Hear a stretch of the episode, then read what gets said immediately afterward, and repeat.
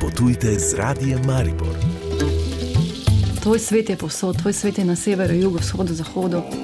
V Nepalu sem imel dejansko nekako cel čas občutek, da gledam svet v malem. Ja, Afrika je mama sveta. Nič ni daleč, ne. meje si samo v glavi postavimo, kaj je daleč. Ne. Lepote Slovenije, doživetja, skriti kotički in zanimivosti. Vsekakor je pa tudi kulinarika tukaj. Doživite Slovenijo, spoznajte svet z Natašo Kuhar.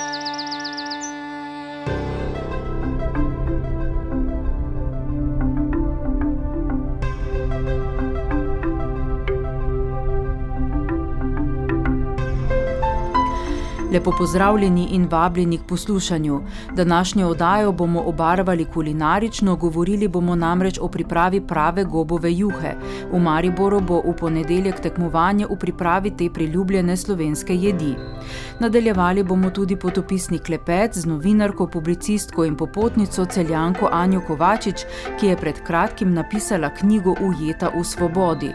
V njej nas popelje na večmesečno popotovanje po Avstraliji, Fidžiju, Havaju. Havajih in Salamonovih otokih.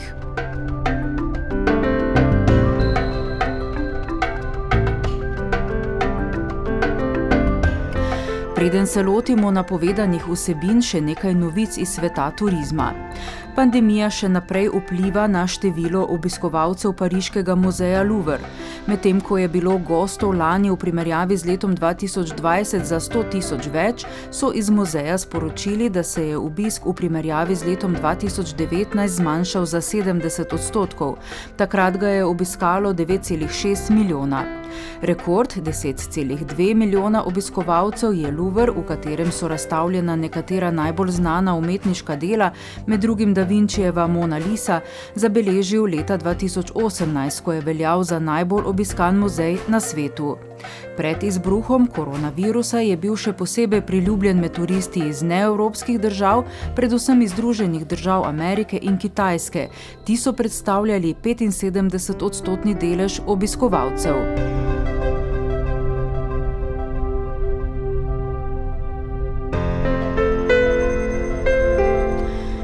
Zavodu Kult Protur iz Gornje Radgone so lani kljub epidemiji izpeljali skoraj vse načrtovane dogodke, uvedli pa tudi nekaj novosti. Poslovanje je bilo uspešno in zabeležili so celo povečan obisk vseh destinacij, je povedala direktorica zavoda Tatjana Kotnik Karba. Prevladovali so predvsem domači in individualni gostje.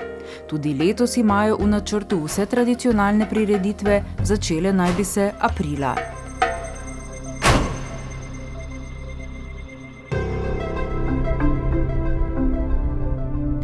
In zdaj k kulinariki. Marsikdo se bo strinjal, da je ni čez dobro domačo gobovo juho pripravljeno iz svežih gob, obogateno s čepcem izbranih začimb in kančkom smetane. To je ena tistih slovenskih priljubljenih jedi, ki s svojim omamnim vonjem polni domače kuhinje, zlasti v času sezone gob. V okviru Više strokovne šole za gostinstvo in turizem Maribor, kolektivne blagovne znamke Naše najboljše in Mariborskega zavoda za turizem ter v sklopu projektnega diplomskega dela Uroša Grbiča in Davida Šaherla bo v ponedeljek preko spletno-komunikacijske platforme Conviva tekmovanje v pripravi najboljše gobove juhe Maribora. Gre za inovativno tekmovanje, na katerem se bodo z željo prispevati k trajnostnemu razvoju in dediščini mariborske kulinarične tradicije pomerili gurmanski mojstri in navdušenci. Več nam bo povedal pobudnik tekmovanja Urož Grbič, najprej pa o gobovi juhi. Vsekakor pa je to uh, jed, ki je prisotna v tem srednjeevropskem prostoru. Uh, torej Od uh, dežel bivše Avstralske in pa seveda tudi v državah bivše Jugoslavije mhm. in v Italiji tudi. Ne? Torej, vi ste se z kolegom Davidom Šahelom podrobneje ukvarjali z gobovo juho, oziroma se še ukvarjate z gobovo juho v diplomski nalogi. Zakaj ste izbrali prav gobovo juho? V bistvu tako uh, podrobno je samo en del diplomske naloge. Zakaj gobovo juho? Zato, ker je pač to ena taka jed, ki v bistvu v osnovi svoji sezonskega značaja. Danes, zahvaljujoč uh, zamrzovalnikom in uh, različnim starejšim tehnikam shranjevanja, torej sušenju, uh, je to jed, ki ima tudi celoletni značaj. Uh, zakaj smo se odločili? Zato, ker menimo, da je gobova juha ena taka jed, ki je na Štajerskem še posebej prisotna v skoraj vsaki domači gostilni in planinskih kočah, in seveda tudi v uh, domačih gospodinstvih. Za gobovo juho je mogoče pripraviti na najrazličnejše načine, kakšna pa je prava gobova juha. Uh, prava gobova juha je v bistvu vsaka, ki je dobra. Eh, zelo veliko načinov, tako kot ste sami povedali, obstaja receptur in praktično, ko sva pregledala nekaj kuharskih knjig z recepturami, eh, so v bistvu le štiri sestavine osnovne, ki so prisotne v vseh nekako bile in to so gobe, voda, eh, sol in poper. To so te osnovne. Vse ostalo pa so nianse, ki se dodajajo uh, glede pač na letni čas, na regijo, na izvirnost kuharja. Torej, praktično ni meja. Ne. Seveda, veliko je tudi odvisno od uh, gob, uh, ker različne gobe imajo različne arome uh, in seveda predpogoj je, da če se govori o gobah, ki jih nabiramo, uh, prosto, da je tukaj znanje o, o gobarjenju potrebno, ne? Eh, ker lahko je to odlična gobova juha, ki jo poješ samo enkrat, tako da v tem smislu seveda velja opozorilo. Eh, drugače pa seveda lahko tudi odlična gobova juha iz gojenih gob, šampinjonov in podobno. Mhm. No, gobova juha pa bo rdeča nit ponedeljkovega tekmovanja. Ne? Um, kdo se bo pomeril, kdo bo ocenjeval, kako bo potekalo ocenjevanje? Rdeča nit je pravzaprav tole spletno tekmovanje. Spletno tekmovanje zakaj? Zaradi časa, v katerem smo se znašli pred slabima dvema letoma, uh, torej zaradi korone. Uh, ker uh, ni možno v neki drugi obliki trenutno speljati zadeve, sva prišla na idejo, da bo tekmovanje eh, potekalo nadaljavo na nek način. To pomeni, da vsi udeleženci, ki so se odločili, v bistvu posnamejo svoj postopek eh, priprave, urejenosti in eh, postrežbe v svojem eh, gostinskem lokalu oziroma obratu. In potem ta video se predstavi strokovni komisiji.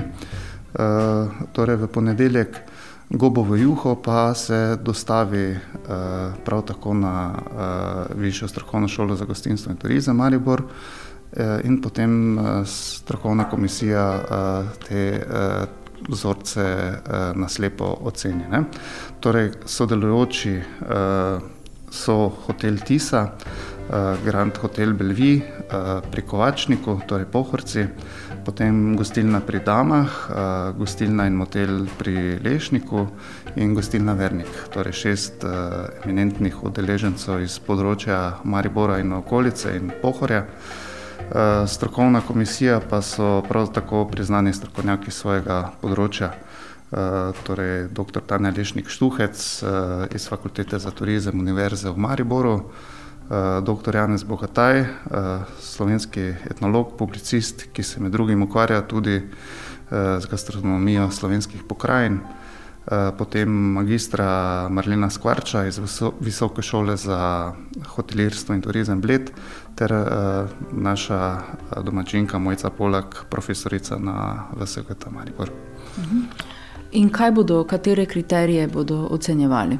Eh, torej, del uh, je ta filmček, uh, triminutni, ki so ga pač uh, teli uh, sodelujoči pripravili. To je 30% ocene, uh, 70% ocene pa je seveda potem okus, uh, struktura gobove juhe.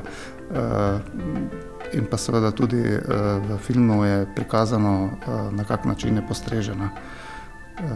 Uh, ker je več načinov možnih. Ne. Mhm, kateri pa so ti načini? Uh, od skodelice do uh, jušnika, krožnika, seveda ni, ni vseeno, kakšna je ta skodelica, ali je lončena, ali je porcelanasta, ali je kovinska.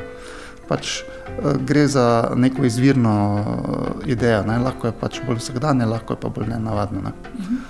In ko že govorimo o gobovi juhi, ta bi lahko bila tudi nekako zaščitni znak ne, tega območja.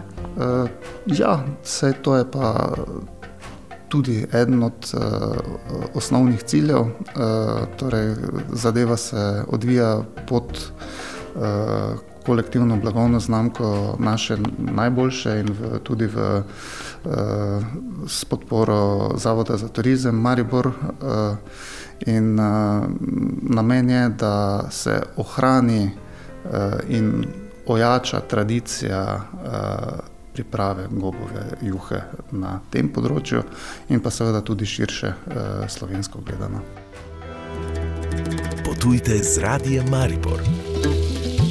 Tvoj svet je povsod, tvoj svet je na severu, jugu, vzhodu, zahodu.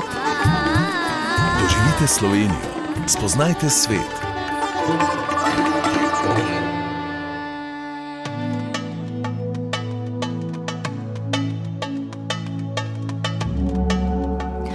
Danes bomo nadaljevali potopisni klepet z novinarko, publicistko in popotnico Anjo Kovačič, ki je pred kratkim napisala knjigo Ujeta v svobodi.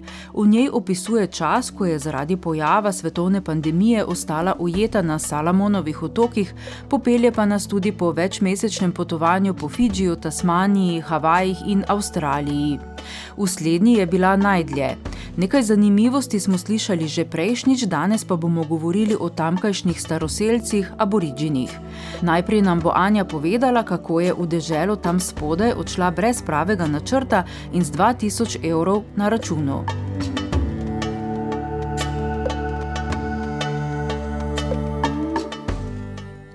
No, v Avstralijo si odšla brez pravega načrta, 2000 evrov na računu je bilo zelo malo za to drago uh, deželo. Ne? To je bilo eno tako nespametno dejanje, v bistvu. Še danes mi ni čisto jasno, da sem si res to upala narediti. Nisem imela druge izbire. Jaz sem imela prihranjenega mečken več denarja, ampak sem hotla, preden sem se poslovila, ja, nima kaj prikrivati. Odplačati vse dolgove, pokriti vse limite, izplačati telefon, da ni naročnine bilo pa bilo pa tle zavarovanje za tujino, pa vnaprej plačati par obrokov za leasing. In je kar naenkrat več kot polovica denarja izpuhtela. Tako da jaz sem imela malo več kot 4000 evrov prihranjenih, ampak dejansko sem šla na pot sam za 2000. In pol, ko prideš v tujino, uh, je tle najemnina, pa je tle neki oblačil, ko jih moraš kupiti, pa je tle noro draga hrana. In je v bistvu 2000, tako, raz, če bi po mojem se norce delala, norčevala iz nekoga, jo, pa se si ne vem, da ne boš upal s tem denarjem iti, ja, jaz sem to naredila. Tako da je eno tako neumno dejanje, ki se pa konec koncev, um, kot ja, lahko rečem, na srečo, čisto vse bedarije, ki jih jaz naredim v življenju, se pa na koncu nekako razpletajo, pa rečem, uh, da mi je spet uspelne. Šla si iz cone udobja, ne? najbrž. Mm, totalno je. Uh, del poti si potovala tudi skupaj s prijateljem, živela sta v avtomobilu. Uh mhm. -huh. Živela sva v njegovem, tak, mislim, njegovem, kupu ga je v Avstraliji, par mesecev prej smo se spoznala, v, v bistvu enem takem majhnem džipu, ki je bil preurejen v bivalni avto. Ja, tudi to je ena stvar, ki ne bi nikoli v življenju si rekla, da bi rada v avtu živela. Je res, da sem hotla živeti pa potovati v kombiju, zaradi tega, ker se lahko normalno kot človek usedeš, pa mogoče ajde knjigo prebereš v avtu to ne moreš. Mislim, lahko na vozniškem sedežu, spredje ali pa na sopotnikovem. Eh, sediš pa bereš knjigo, ampak niti približno ni toliko podobno kot na kaki sedežni ali pa ležalniku. Tako da ja, živeti v avtu je bila ne nora, ampak ajde rečemo temu, je taka nečloveška izkušnja ki dejansko zelo ne potuješ, ampak ti iz dneva v dan samo planiraš, kaj boš jutri naredil, katera je tista obveznost, ki jo moraš izpolniti. Ali boš ta teden prav perilo, ali ga ne boš, ali se boš ta teden enkrat ali dvakrat tuširal, ali bi raje dal vse te stvari na stran, pa mogoče samo živo v razgledih, pa šel v totalno oddaljene konce, ker ni ničesar. Ja, življenje v avtomobilu je en tak še večji pečat. Pustilo, poleg tega, da sem živela in potovala z nekom, ker sem navajena sama potovati. No, v nekatere dele Avstralije si se vračala. Ja, vračala sem se predvsem v tiste dele, ki so bili čim bolj naravni, pa kjer so me ljudje pritegnili, pa mi dali razlog, da sem se vrnila nazaj. Mhm, Brisbane je ena taka ne, točka. Uh, Brisbane je ena taka točka, pa Blue Mountains. Brisbane je v bistvu edino mesto, uh, mogoče lahko rečem, da na vseh mojih potovanjih do zdaj, torej vele mesto, v katerega sem se zaljubila, pa sem želela tam živeti. Kot sem že prej rekla, nisem človek mest in me za mene je Ljubljana preveliko mesto. Brisbane mi je pa ne vem, neko tako svobodno energijo, mogoče ravno zaradi te reke, ki teče čez mesto, pa ogromno parkov, tekaška steza, plezalna stena. Ne vem, nekaj me je potegnilo v Brisbane in sem si tam želela živeti. Tako da me pa mogoče tudi um, ta meditacija ponovno popeljala v Brisbane, kjer sem pa potem tudi dobila službo. Mhm, nekaj mesecev si preživela tam, ne? Ja, ja, ja, živela sem v bistvu tudi v stanovanju, ki je bilo več kot krsansko, en tak penthouse v bližini reke. Z teraso na vrhu, tako da ko sem si zaželela miru, ali sem šla ob reko na sprehod ali pa na teraso in gledati zvezde, ki jih je pa res v Avstraliji toliko, da se je tudi v mestu da videti. Mhm. Delala si pa najprej v enem uh, kafiču, ne? Uh, ja, najprej mi je v bistvu Andrej, torej slovenc, pomagal dobiti službo na Sunshine Coastu. To je dejansko turistična, turistični del avstralske obale, kamor ljudje hodijo na počitnice. Upokojenci se tja preseljujejo, ker imajo ogromno možnosti za um, udejstvovanje v športu skozi celo leto. Meni je samo Andrej rekel, sem pet od enega kafiča do drugega, od ene restauracije do druge, od enega bara do drugega, sigurno se bo nekje našel, kjer boš lahko delala. In jaz sem v enem dnevu dobila tri službe. Tudi to se mi sanjalo, nikogo bom izpeljala. Uh, šla sem si kupiti balerinke, ker sem bila prej, seveda, samo v takaških copatih ali pa v japonkah. In v teh balerinkah sem delala tri smene na treh lokacijah, uh, žul pri žulu sem je naredil.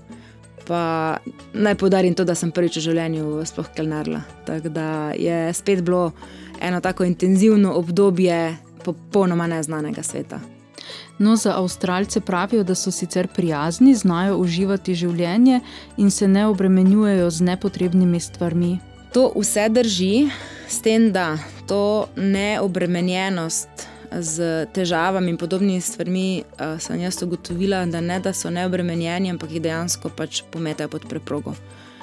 Namesto da bi vse težave, ki se pač njim zgodijo, pa ni treba glih rešiti, ampak vsaj predebatirali, pa nekako šli potem naprej, jih oni preslišijo, pa dajo pod preprogo. In podobno je z odnosi. Um, jaz sem nekaj časa rabila, da sem se navadila pozdravljati, pa se pogovarjati z ljudmi. Hello, how are you? Torej, pozdravljeni, kako ste. In ko sem začela to frazo uporabljati, sem rekla, ok, idemo narediti en test. Ne? In sem začela jih kar naenkrat jim odgovarjati. Ko me je nekdo rekel, kako si, sem mu povedala nazaj. In takrat me letiš na gluha všesa. In to je za mene ena taka najbolj čista pojasnitev k temu, koliko površinski so njihovi odnosi. Ker oni tebe vprašajo, kako si, sploh se pa ne zavedajo, da so, da so te to vprašali, kaj šele, da bi te poslušali nazaj. In jaz sem tolkrat nazaj rekla, za nalašč potem, da imam slab dan ne, ali pa neki, niti odziva nazaj. In to je tak en prvi pokazatelj sterilnim odnosom, zelo površinskim, pa zelo um, ne samo površinski, ampak so iz danes na jutr. Danes poznaš družbo, se imaš super, niti ne veš, kako ti je ime. Jutri že ne obstajaš za njih. Ti misliš, o super, sem našel družbo, se bomo jutri spet družili na plaži, pa bomo jutri šli skupaj vem, na pivo ali pa neki. Oni, oni pozabijo, da si ti tle. Danes se imajo fajn, jutri te ni.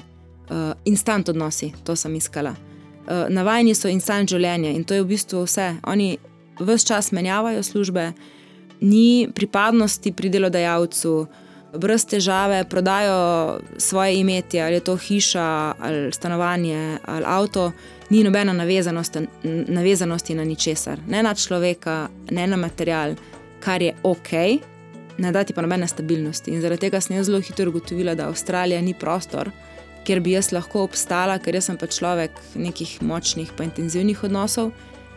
To je mogoče lahko tudi šibkost človeka, da se jaz navežem na človeka, pa si želim z njim ohranjati stike. Ok, se ko vidiš, da ne gre več, prekineš, ampak vseeno porabiš neko svojo družbo, nek mehurček, ki ga danes radi uporabljamo. Torej, če ti svojega mehurčka nimaš, da ni nobene osebe, ki, s katero bi ustvaril mehurček, si sam.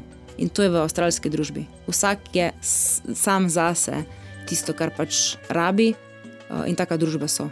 Eden za enega, eden za enega, nikjer ni, ni skupnosti, uh, kot pa živijo v bistvu aboriženi. In zaradi tega so meni oni tako fascinantni, da še dan danes obstajajo, kljub temu, da so potisnjeni na eno tako obrobje. No, pa se še kar dotakniva teh aboriginov. Ti si bila prostovoljka v eni vasici. Kakšne izkušnje si imela z njimi? Občutek imam, da so te zelo navdušili, fascinirali s svojim načinom življenja. Ne? Znano je sicer, da so potisnjeni na rob družbe, pahnjeni v nek kriminal, zaznamovani z alkoholom. Ja, in ravno zaradi vseh teh nekih označb, ki jih imajo uh, sem jaz hotela ugotoviti, zelo spontano, ne, da sem z namenom šla v Avstralijo, da bi to ugotavljala. Ampak potem, ko sem se pogovarjala z ljudmi, ja, pa imate kakšne aborižene v družbi, so me vsi debelo gledali, zakaj bi mi se z aboriženi družili. Zakaj, ne vem, zato ker pač so to ljudje, ki živijo tle. Ne. Uh, ampak ne. In potem, ko ti ugotoviš, da smo mi, torej civilizirana družba, tisti, ki smo jih prisilno postavili na obrobje v nek stil življenja, ki ga oni ne poznajo, hkrati pa zahtevamo od njih, da se vključijo v družbo. Oni se ne morejo vključiti v družbo. In kot naj mi pol pričakujemo, jaz govorim mi. Kot civilizirano populacijo, ki pač jim vse te stvari počne. Če mi jih postavimo na rob in pričakujemo od njih, da ko pa so v družbi, da se znajo obnašati, ja ne moramo, ne? ker oni ne poznajo vzorcev, nobenih ne izobražuje na način, da bi jih postopoma uvajal v ta način življenja. V tej v Juendumu, v vasici, ki je v bistvu največja aboriginska skupnost v Avstraliji, jim je avstralska vlada zgradila hiše, torej hiše iz betona, ki pa jim nekako oni niso kos, oni ne znajo v teh hišah živeti, oni so nomadsko ljudstvo. Oni znajo živeti pod milim nebom, oni znajo živeti eh, v sožitju s peskom, z vetrom, z soncem, pa z vem, močnimi nalivi v puščavi.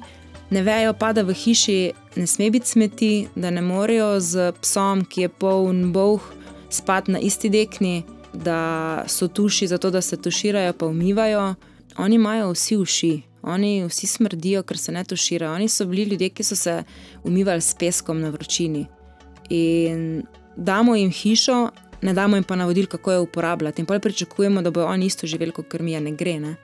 In ko sem jaz z njimi tiste tri tedne kot prostovoljka v umetniškem centru živela, sem potem, ko sem se nazaj vrnila v mesta, dosta lažje razumela, zakaj se obnašajo, kot se.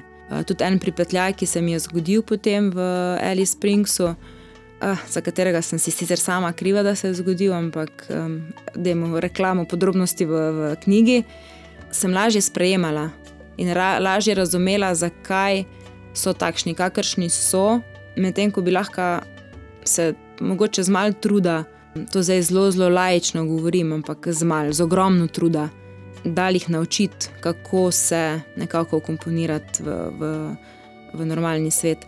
Sem pa govorila z vodjo prostovoljcev v, tem, v tej vasici, kjer sem bila. In sem ji rekla, da lahko mi organiziramo dva, tri dni, pa gremo celo mesto spucati, ker tam so res smeti vse posodne. So koše za smeti, ampak jih ne uporabljajo. In je rekla, da mi smo to že stokrat probali in ne gre. Ne? Ker pač oni nas bodo gledali, mi lahko gremo zdaj dva dni, bomo smeti devali v koše in pospravljali njihove domove in vse, oni se nam bodo pa smejali in bodo jutri naprej živeli tako, kot oni znajo. In je rekla, da je nek, kot nek boj z mlini na veter in se ne da nič narediti. Ampak jaz vseeno mislim, da če to pač narediš vsake dva tedna, vsake tri tedne, mogoče bo pa enkrat prišlo do točke, ko bo zadeva obstala. Tako da na koncu je polovna rekla, ne brez veze, nič ne boš tem dosegla. Ne. Ja, jaz ne bom, če bo pa to vsake dva tedna nekdo ponovil, pa mogoče da bo. Mogoče lahko celo zelo spet lajično, pa naivno rečem, eh, da so se mi celo malo zasmili, zaradi tega, ker zaradi vse te potisnjenosti na rob so oni hkrati tudi prikrajšani za to vključenost, za katero imajo pa pravico. Ker konec koncev, jaz še vsem pravim, da so bili tisti, ki so živeli na tisti zemlji, so živeli z naravo, zdaj pa prvo, kar je jim naravo uničujemo, in drugo, kar je jim ne dovolimo, da živijo za svojimi načeli v okolju, ki ga pa mi preoblikujemo. Tako da v nobenem primeru se mi ne zdi, da, jim, eh, da, jim, da je prav, da živijo tako, kot živijo. No. Se jim res zgodi ena velika krivica. Krivica. Nadaljevanje sledi prihodnjo soboto, takrat bomo govorili o umetniškem ustvarjanju aboriginov, prvotnih prebivalcev Avstralije. Za danes se poslavljava Simon Šprajcer in Nataša Kuhar in vabiva k poslušanju prihodnje oddaje. Če ste današnjo zamudili, jo najdete v spletnem arhivu in med podcasti. Potujte z radijem Maribor.